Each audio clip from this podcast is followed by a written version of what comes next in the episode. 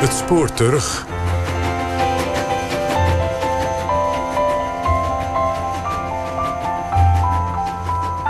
Met deze zomer weer herhalingen van de mooiste historische afleveringen uit Radio Doc.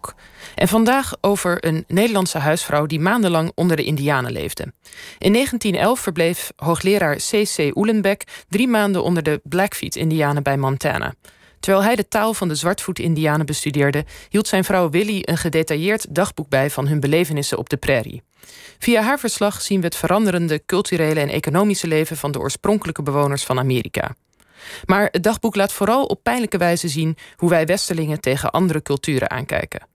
Luister naar Huisvrouw op de Prairie, gemaakt door Richard Den Haring en René van S. Als je buitenlanders om je heen hebt uh, en die gedragen zich anders. Het is niet allemaal dat ze onhebbelijk zijn of niet goed opgevoed. Uh, probeer er eens achter te komen wat dat is.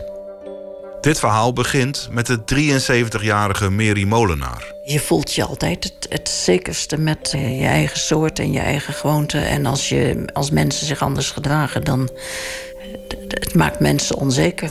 Ze is een Nederlandse die in Canada woont. Ik lees regelmatig verslagen van mensen die al 30 jaar hier of daar in het buitenland wonen en zeggen: Ik ben nog een echte Nederlander.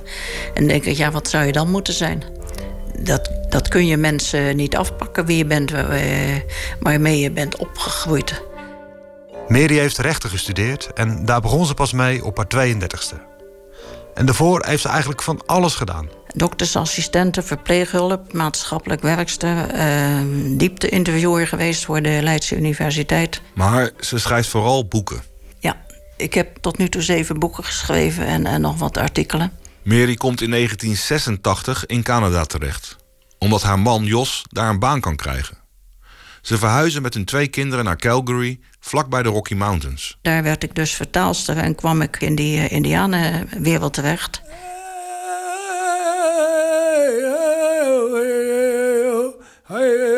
Nu had ik er wel eens één, ik zou dat niet moeten zeggen... maar ik had er wel eens één dronken in de stad zien liggen... en ik wist bij God niet dat waar wij woonden, dat dat vroeger eh, het, gebied was van die Blackfoot-Indianen. Enfin, ik verdiep me erin. Ik werd binnen de kortste keren het eerste blanke lid van de Native eh, Students eh, Center. De, ja, de, Indiaanse studentenclub. Mary ontmoet Indiaan Reggie Crouchue, de zoon van een medicijnman. Ja, hij gaf me privéles. Vaak zaten we allebei met ons benen in de rivier, de Old Man River. Die zei met zijn uh, uh, gezellige, volle indianentoet... Uh, wil je weten, or do you want to know? En, en dan zei ik, wel ja, yes. En ja, al gauw zat ik tot over mijn oren in het indianenleven. Ze raakt gefascineerd door de manier waarop indianen naar de wereld kijken. Alles heeft een spirit bijvoorbeeld. Als je door de rivier gaat... dan gooi je er eerst een beetje tabak in... om je te verontschuldigen voor de verstoring van de rivier. Als je een uh, beest doodt, dan worden er ook bepaalde handelingen verricht om je te verontschuldigen tegenover de, in feite de spirit van dat dier. Dat soort dingen.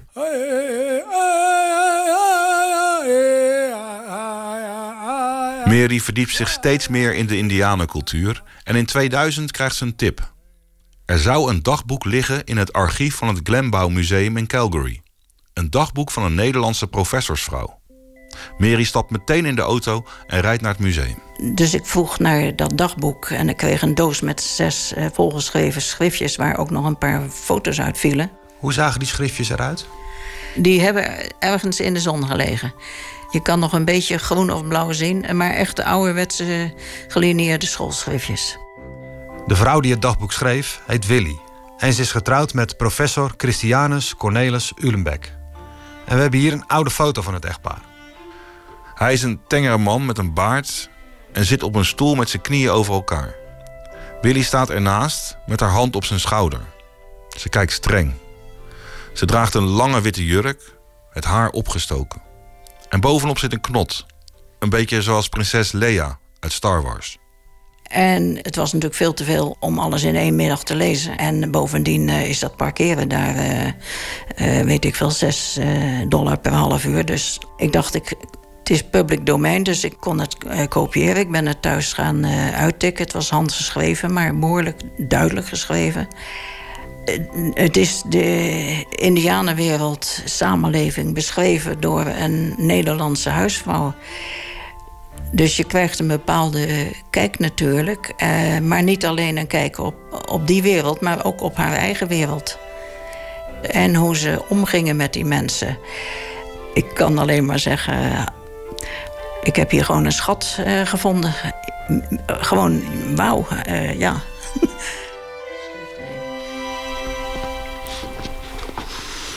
Uh, ja, dit is het eerste schriftje. Donderdagavond 8 juni. Om 6 uur 57 kwamen wij te Browning aan. Het is een klein depot, anders niet. Midden op de prairie. Dit is het begin van het dagboek. Willy schreef het in de zomer van 1911. We hebben aan Esther Euser gevraagd om passages voor te lezen. Wat was het een grote teleurstelling dat Joseph Tetsi, met wiens gezin wij zullen kamperen, niet aan het station was terwijl wij volgens afspraak hem uit New York reeds telegrafeerden, dag en uur van onze aankomst. Ook onze koffers waren er niet. Op haar 29ste trouwt ze met Ulenbeck. Ze is een actieve huisvrouw. Ja, een enorme goede huisvrouw en een ontzettende goede echtgenote. Professor Ulenbeck wordt in 1866 geboren en groeit op in Haarlem. Hij heeft heel vroeg zijn eh, vader verloren. Er was eh, zo goed als geen geld. Hij gaat Nederlands studeren en op zijn 18e publiceert hij een gedichtenbundel. Die bundel is niet goed eh, beoordeeld door de reviewers. Dus daar, met dat dichten is hij opgehouden. Zijn talent voor taal wordt wel opgepikt in de wetenschappelijke wereld. Hij wordt dan ook hoogleraar in Amsterdam en in Leiden. Maar hij heeft een hekel aan lesgeven. Collegezalen noemt hij muf. Hij doet liever onderzoek in het veld. En Willy? Oh, mevrouw Oelenbeck. Willy is vier jaar ouder dan haar man. En zij was eigenlijk een beetje zijn moeder. Ze poetste zijn laarzen en... In die tijd waren mannen nog ongesteld. Zijn buikpijn en zijn verkoudheid. En er was iedere keer wat met hem. Hij was nogal een hypochonder, begrijp ik. Ze is de dochter van een huisarts en gaat goed voorbereid naar Amerika. Dus ze heeft een hele wist medicijnen had ze bij zich. En die zie je haar ook regelmatig uh, uitdelen aan de indianen. Oogdruppels en doverietabletjes en, en ze pastilles en migrainepillen. En je lag je dood. Uh, Sis was daar een halve dokter. Willy Ulenbeck gaat vooral mee om haar man te helpen. Ze maakt bijvoorbeeld foto's en houdt natuurlijk haar dagboek bij. En Ulenbeck zelf die eh, zat achter de taal aan. Hij was in 1910 ook al onder de Indianen geweest in Montana. En een jaar later komt hij terug om zijn werk te controleren. En om nog meer verhalen te verzamelen. Jachtverhalen, avonturenverhalen, eh, mythologie, eh, familieverhalen. Als ze in Montana aankomen, beschrijft Willy het reservaat in haar dagboek. Wij stegen en daalden, reden langs mooie cliffs met scherpe bochten. Het reservaat is bijna 6200 vierkante kilometer groot. Zeg maar Groningen en Friesland bij elkaar. Dan zien ze een rivier, de Madison River, en, en bosjes langs de rivier. En ook van die, van die afgronden waar ze vroeger de buffels eh, overheen joegen. Het is een soort prairielandschap, maar uh, glooiend en af en toe uh, opeens vrij woest. Uh, vooral richting Hard Butte. En dat ligt zo'n beetje tegen de Rocky Mountains aan. In die tijd sliepen Indianen het hele jaar door in hun typisch. En dan heb je per familie of grotere familie een, een paar tenten bij elkaar. De Ulenbecks verblijven de hele zomer bij de 46-jarige Indiaan Joseph Tetsi. En dat is dus die Indiaan die te laat was in Browning. Op foto's zien we dat Tetsi kort haar heeft. En hij is westers gekleed. Hij ziet er niet uit als een traditionele Indiaan. Wat lijkt hij vriendelijk, die lange, slanke man met zijn heel donkere gelaatskleur. Zijn zwarte ogen, zijn glanzend zwart sluikhaar in het midden gescheiden. I am come at last, only a little slow, zei hij van zichzelf. Hoe, hoe communiceerden ze met elkaar? Met handen en voeten. En er waren er wel een paar die, die wat Engels spraken, maar veel met handen en voeten. En uh, Je ziet mevrouw Oelenbeck geregeld in een, uh, een boekje lezen. Adam Beat heet het. Uh, en dan schrijft ze, dat doe ik om wat Engels te leren. Ja, echt lange gesprekken zullen het niet geweest zijn. Tetsi en zijn vrouw hebben negen kinderen. En eentje was getrouwd en die woonde met haar eigen baby en, en de man uh, in de eigen tent. De oude moeder van Tetsi, Susan Tetsi Campbell, woont ook bij het gezin. En Tetsi krijgt, net als een jaar eerder, betaald om voor Ulenbeck te werken als vertaler. En dan hadden ze voor uh, de Ulenbecks een tent waarin je niet kon koken, gewoon een soort kampeertent. Dus drie keer per dag moesten die Ulenbecks bij de Tetsi's eten. Aan het ontbijt hadden we voor het eerst, geloof ik, gebakken aardappelen, warme rijst en boontjes. Bij het dinner is de groente, erwten en herenbonen het enige warme. Zij doen dit maar zoals het uitkomt. En toch lachen ze erom als je dinner en supper met elkaar verwart. En uh, je lag je dood wat ze te eten kregen. Want dat was bijvoorbeeld een uh, kippensoep of, of, of uit, uit blik of peren of gekookte gort. Of het was altijd uh, ja, eigenlijk een soort westers voedsel. Heel af en toe eten ze vis. Wij hebben supper met gebakken forellen. Joe heeft een aanval van ijver gekregen en ze in Badger gevangen. En weer betreur ik dat de Indianen dit voor hen zo voortreffelijke voedsel uit luiheid voorbij laten gaan. Maar luiheid is misschien iets te kort door de bocht. De Indianen voelen een gelijkwaardigheid binnen de schepping. Of je nou een mens bent, of een, een vogel, of een vis, of een, of een, plant, of een boom, of gras. Alle soorten hebben, hebben hun plek eh, en moeten met respect worden behandeld. En dus eh, gaan Indianen over het algemeen bewust om met andere levensvormen. En dit is Serv Wiemers. Ja, mijn naam is Serv Wiemers. Serv heeft een boek geschreven over Noord-Amerikaanse Indianen. Het heet Veerkracht. Ik ben ooit afgestudeerd uh, in Leiden uh, op de positie van Indianen onder het internationaal recht. En vervolgens heb ik ook uh, veel uh, Indianenreservaten bezocht, Indiaanse mensen gesproken. in Noord-Amerika, Verenigde Staten en Canada. Om de cultuur van de Indianen beter te begrijpen, moeten we terug naar de 19e eeuw. Ja, tot het einde van de 19e eeuw. 1890 wordt een beetje als zo'n eikmoment genomen. Uh, leefden veel Indianen in, in dat gedeelte, dus de, de, de Great Plains, het, westelijke gedeelte van de Verenigde Staten, leefden uh, vrij, leefden op hun eigen manier. Uh, voor veel volken op de prairie, waaronder de, de Zwartvoet, de Blackfeet, was de bisonjacht essentieel. Maar aan die manier van leven komt een eind, omdat hun land wordt overspoeld door kolonisten. Dat ze tegenwoordig een tsunami noemen van Europeanen die over hun land heen kwamen. Uh, en de, de bisons uh, werden door de Europeanen afgeslacht. En daarmee viel ook hun bron van bestaan weg. Rond 1800, dus voordat de Europeanen massaal het land introkken, leefden er zo'n 60 miljoen bisons in Noord-Amerika. En in, in 1890 uh, hebben ze er iets van 750 nog kunnen vinden.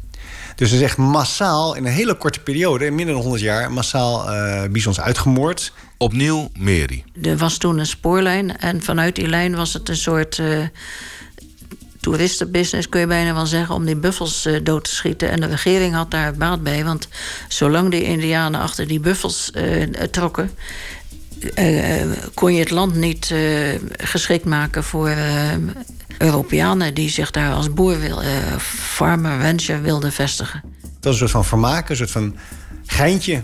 Nou, schiet maar zoveel mogelijk bisons af. Maar het was niet alleen een geintje, zegt Serf. Het was ook bewust beleid. En als je een bison omlegde, kon je daarmee indirect de Indianen omleggen. En als je de bison schiet, dan kaats je kogels af op Indianen. Een Amerikaanse generaal zei bijvoorbeeld... Kill every buffalo you can. Every buffalo dead is an Indian gone. Zo. Het is immoreel natuurlijk, maar het was wel effectief.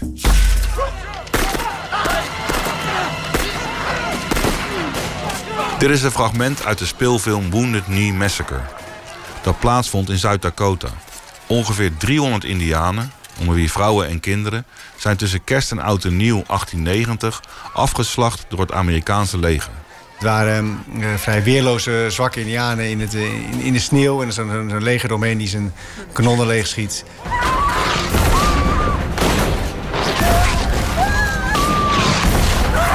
Dat was al behoorlijk grof. Uh, dus dat is wel vaker gebeurd. Maar het werd als zo'n ontzettend domper gezien. Wounded Knee was een keerpunt. De meeste Indianenvolken in Noord-Amerika hebben nou ja, het opgegeven.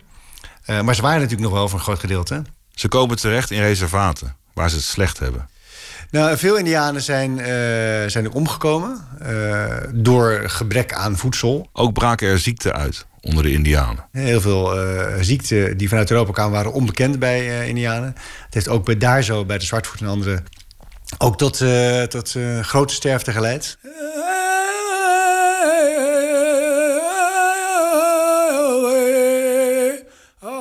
De essentie van de Indianencultuur is altijd het collectief geweest. Zo'n zo'n bison jaag je niet in je eentje.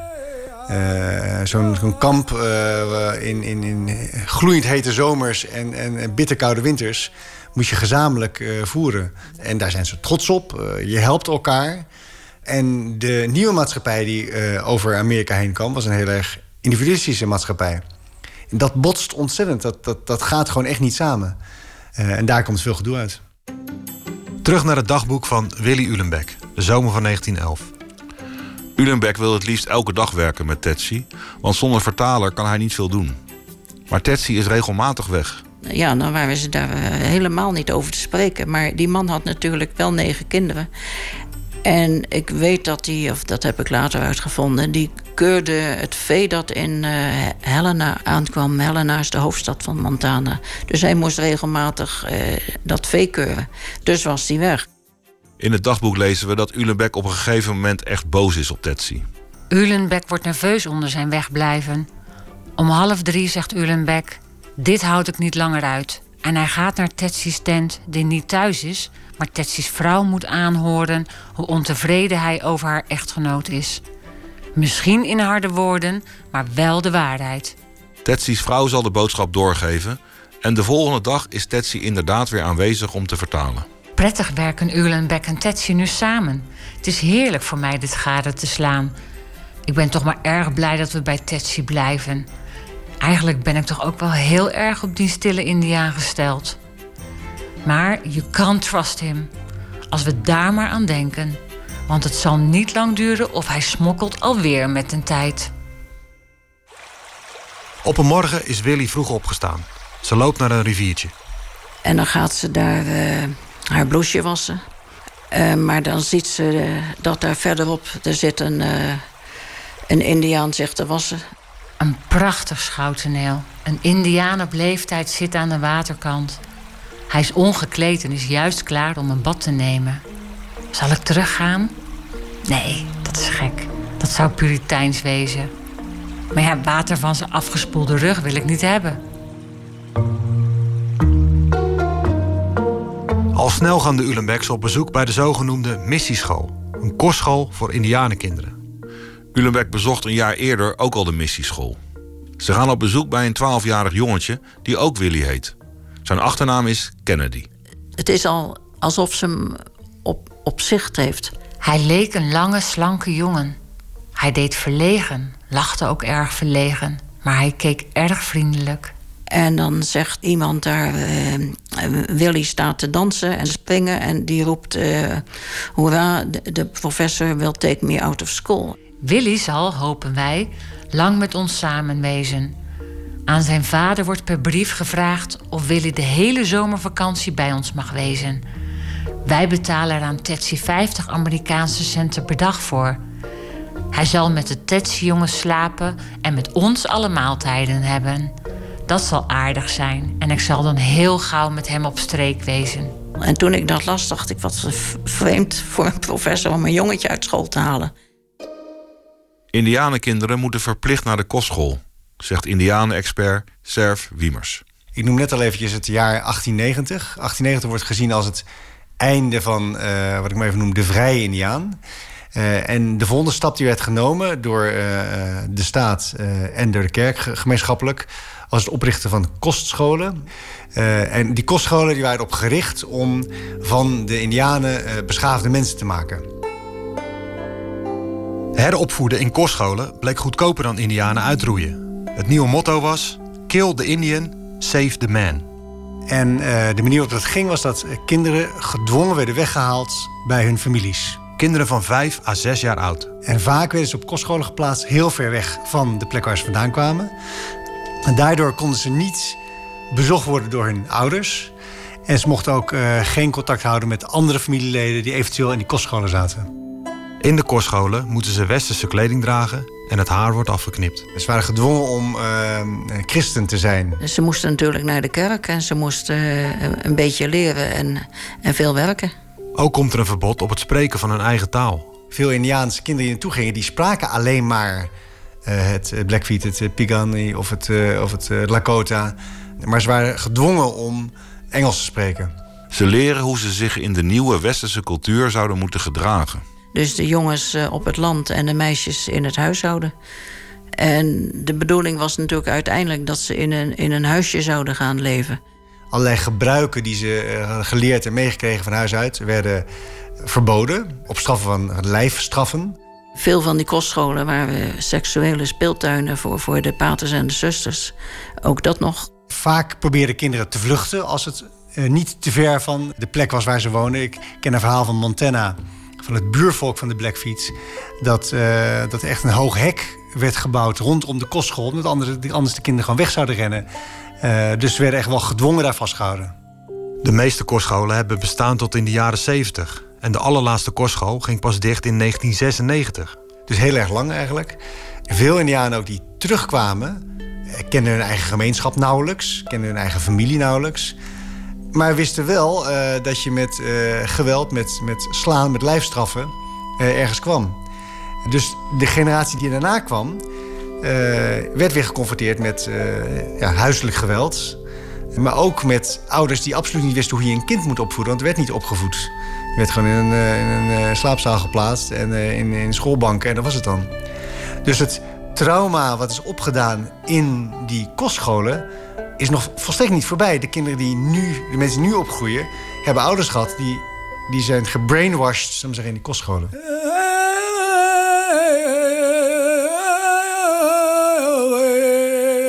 Ulenbeck krijgt veel verhalen te horen van een Indiaan die Bear Chief heet.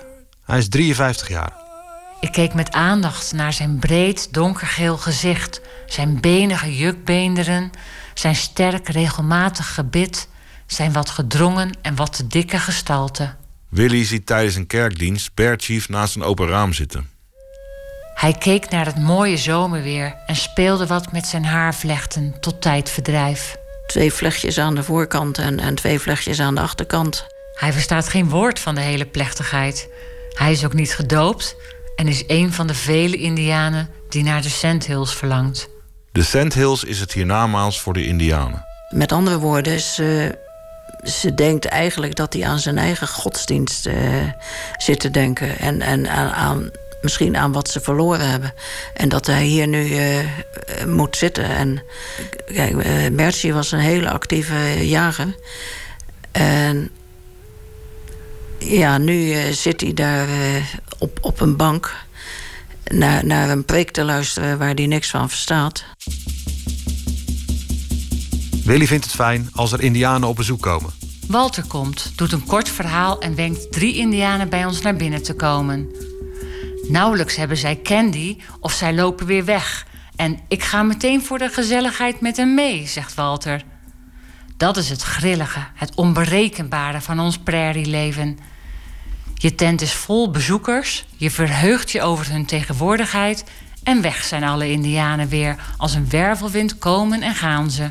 Zij zeggen hooguit: uh, ik, ik, zie je maandag wel of, uh, of dinsdag of zoiets. Op 1 juli vertrekken de Ulenbecks naar Browning om daar de traditionele Indianenceremonies bij te wonen. Ze spreken daar af met Tetsi. Van John Tetsi, die onze gast zou zijn, hebben we niets gezien. Rare Indiaantjes toch. Je inviteert iemand, de uitnodiging wordt aangenomen, maar je gast blijft weg. Geen spoor meer van John. Waar hij zit weten we niet. John, de oudste zoon van Tetsi, zou de Ulenbecks een week later terugbrengen naar het Indianenkamp. Maar hij laat niets van zich horen. Als de Ulenbecks door een ander Indiaan zijn teruggebracht uiteindelijk, schrijft Willy erover in haar dagboek. Wij maken alles gauw op orde en s'avonds liggen wij weer op ons veldbed in onze eigen tent. De hele Tetsi-familie zegt niet veel over het misverstand of hoe het ook heten mag. Waarom zullen wij dan wel om opheldering vragen? Op een gegeven moment gaat het heel erg slecht met Josephine, Tetsy's dochter. Ze ligt doodziek op bed. En dan gaat het steeds slechter en dan komt de dokter, dat is natuurlijk een blanke... en die kijkt even door de tentopening en die eh, zegt dat is de tering en weg is die. En ook grootmoeder ligt op sterven.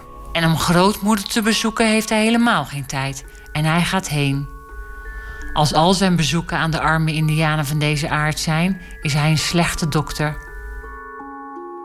Grootmoeder overlijdt op maandag 14 augustus 1911.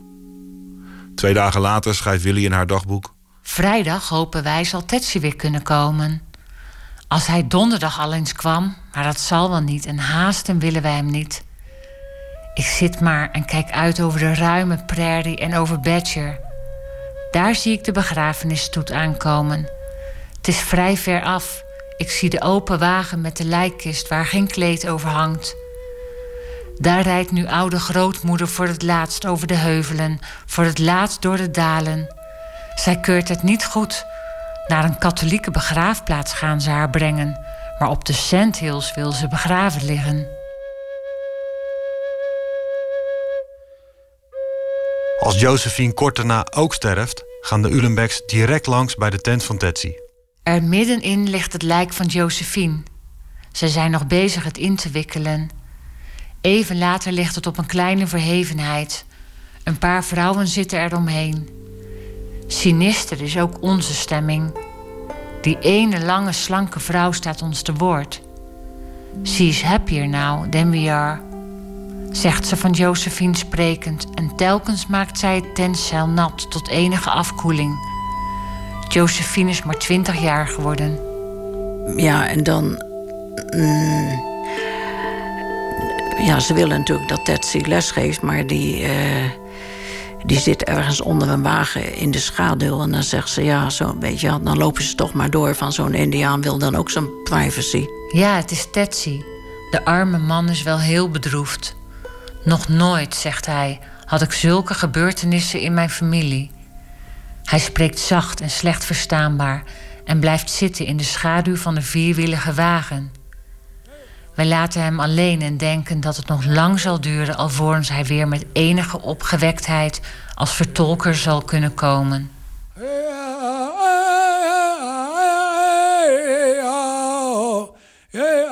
Als de familie Tetsi in rouw is en druk met de voorbereiding van de begrafenis, gaan de Ulenbecks een avondje uit. Ze zijn uitgenodigd bij een blanke ingenieur. Ik geloof dat hij over de aanleg van al die eh, sloten, die irrigatiewerken ging. En dan trekt ze haar zwarte feestblouse aan. Wat vreemd lijkt de zwarte zijde blouse mij. Ik vind het een heel ding om mij zo mooi te maken op de prairie. En in het heel kleine spiegeltje kan ik maar weinig zien. Maar goed, ze hebben een paar prettige uurtjes die, diezelfde avond. En over de hele dag heeft ze hier en daar geweeklaag gehoord. En ze zien die, eh, die moeder eh, weggedoken in, in een tipi met een dochtertje tegen zich aangedrukt. Zij heeft zich afgezonderd voor zover het gaat. Als zij ons ziet, richt zij zich op. Lang houdt zij mijn hand vast, krachtig drukt zij die. En met merkwaardige kalmte spreekt zij met ons. Met haar zwarte vriendelijke ogen kijkt moeder Tetsi ons aan. En later, veel later, klinkt mij nog telkens haar gezegd in de oren: I shall never forget her. Op een gegeven moment komt Ulenbeck de tent in met een indiaan die Sam Scabby Rope heet. Wat een knappe indiaan. Wat een mooie, glanzende en zachte ogen. Te zacht? Te meisjesachtig misschien? Ik mag hem kieken. Dat is een buitenkansje. Maar voordat hij op de foto gaat, wil hij eerst nog even zijn haar kammen. Ze geeft hem een kam en een spiegeltje. Hij kampt met uiterste zorg, telkens en telkens weer in het spiegeltje kijkend of de scheiding wel mooi valt.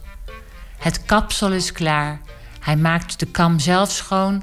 Het uitgevallen haar windt hij om zijn vinger, schuift het eraf en bergt het voorzichtig in de zak van zijn buis. Zo'n netheid had ik niet verwacht van onze Indiaan. Zondag 17 september staan de Ulebecks klaar om te vertrekken. Ze moesten weer 15 kilometer terug met paard en wagen. En al hun, eh, hun bezittingen en koffers en eh, noem maar op. Het zal nog wel een uur duren voor wij kunnen wegrijden. Dan wil Tetsi ons een lightwagon geven en geen buggy. En de koffers er ook op laden. En John zegt hij zal je rijden, voor je zitten en dan win ik een tweede team uit. Maar Ulenbeck is hiermee helemaal niet ingenomen. En als Tetsi ziet dat dit gesprek niet naar onze zin gaat, zegt hij: Nou, professor, you can have it your way. Dan rekent ze er eigenlijk op dat ze iets te eten meekrijgen voor onderweg. En dat is er dan niet. Zij weet er niets van en houdt met een verlegen gezicht de vingers in de mond. Er is een stemming van, van verlegenheid uh, van, van weerszijden. Maar mevrouw uh, Oelenbeck is, die is flink zoals altijd. Die zegt, nou ja, het geeft niet, we vinden wel wat te eten... als we bij dat uh, depot zijn, bij dat stationnetje. Nu moeten wij van alle Tetsy's groot en klein afscheid nemen. Tetsy heeft het hoofd gebogen en kijkt niet vrolijk... Ik klim als eerste op de hoge buggy en dan komt Tetsi mij inpakken in mantels, jassen en dekens. Nauwelijks kan ik mij bewegen. We groeten en kijken en wij rijden weg op den kille, natte najaarsmorgen.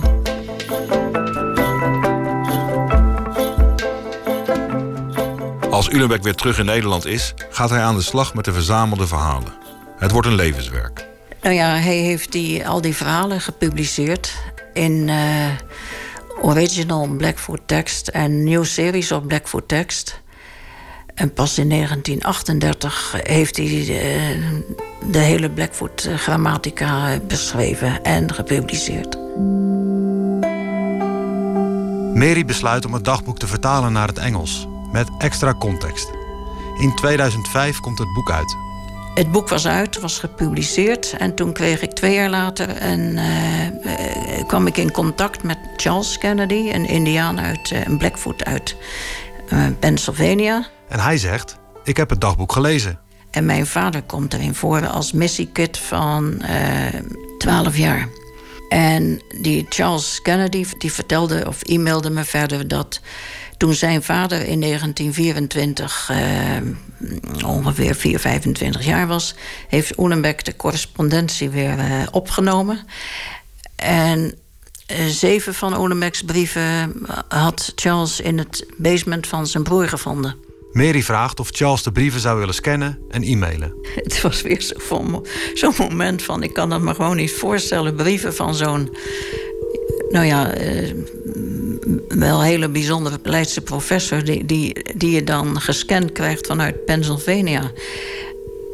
Ja, als, als ik dit, uh, dat dagboek opnieuw lees... dan zie je eigenlijk hoe geïnteresseerd ze waren in, uh, in Willy... in het, in het twaalfjarige jongetje. Van, oh, Willy heeft nog niets gegeten of Willy dit en dat. En wat blijkt?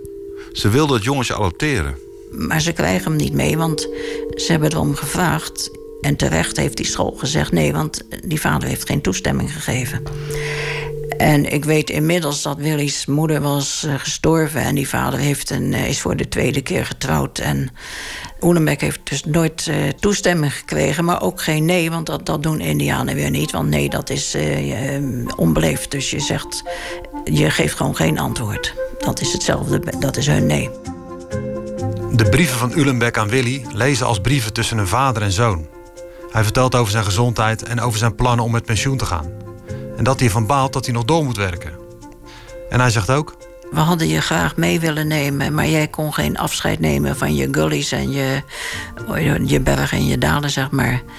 Maar we hadden je, nou ja, in feite een, een opleiding willen geven. Maar nu ben je timmerman en, nou ja, dat is toch ook wel uh, prima. Ja, Charles die heeft me zoveel verteld over de familie. En hij is vorig jaar gestorven. Dat is gewoon jammer. Maar ja, ook 84. En wat zei hij toen hij die schriftjes zag?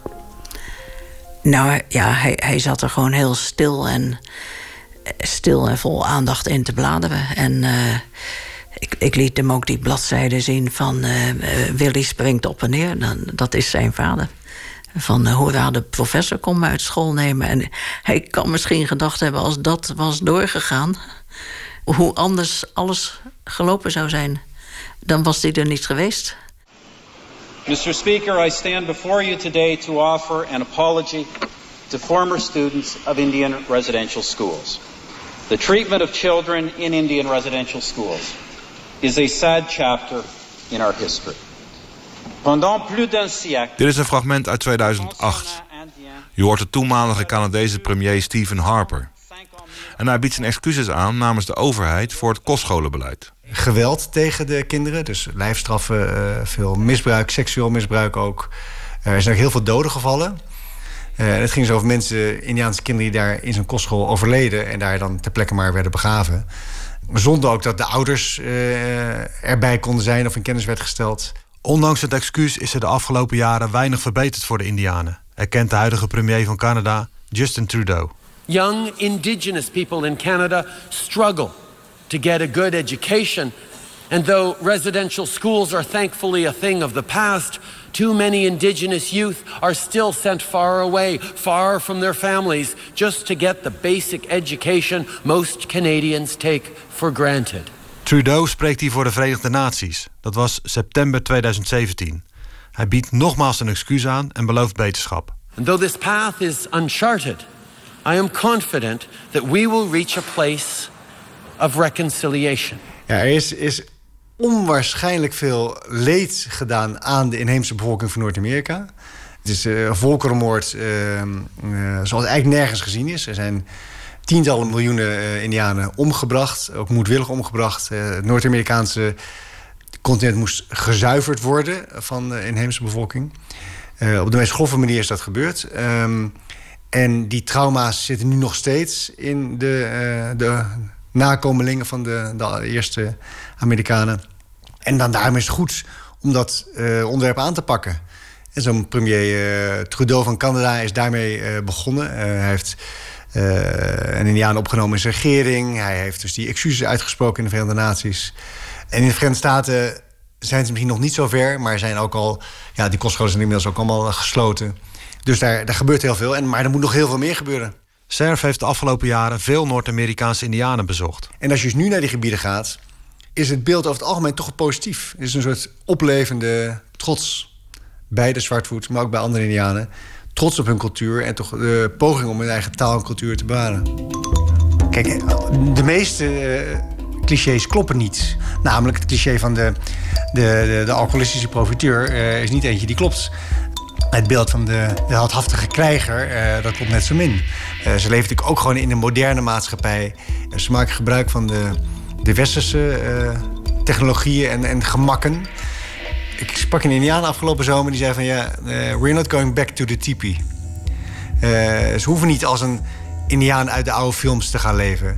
Ik ben ook geweest bij, uh, bij Indianen die bezig zijn om het dan heel praktisch te maken. Dus zonne-energie, zonnepanelen. Hoe kan je je huis verwarmen op, op, op zonne-energie?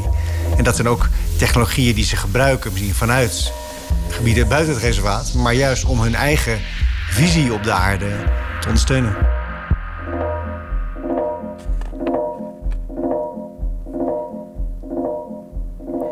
U hoorde Huisvrouw op de Prairie, een verhaal gemaakt door Richard ten Haring en René van S. voor hun podcastserie Makersradio. En Makersradio, aan elkaar geschreven, is te vinden in uw favoriete podcast-app. En dit was OVT voor vandaag. Straks de perstribune van Max, live vanuit een schip in Friesland. Daar spreekt Carrie Napel met weerman Gerrit Hiemstra en oudschaatser Jan Ikema. Over scootjesielen en de actualiteit van deze week. Wij zijn er volgende week weer. Tot dan.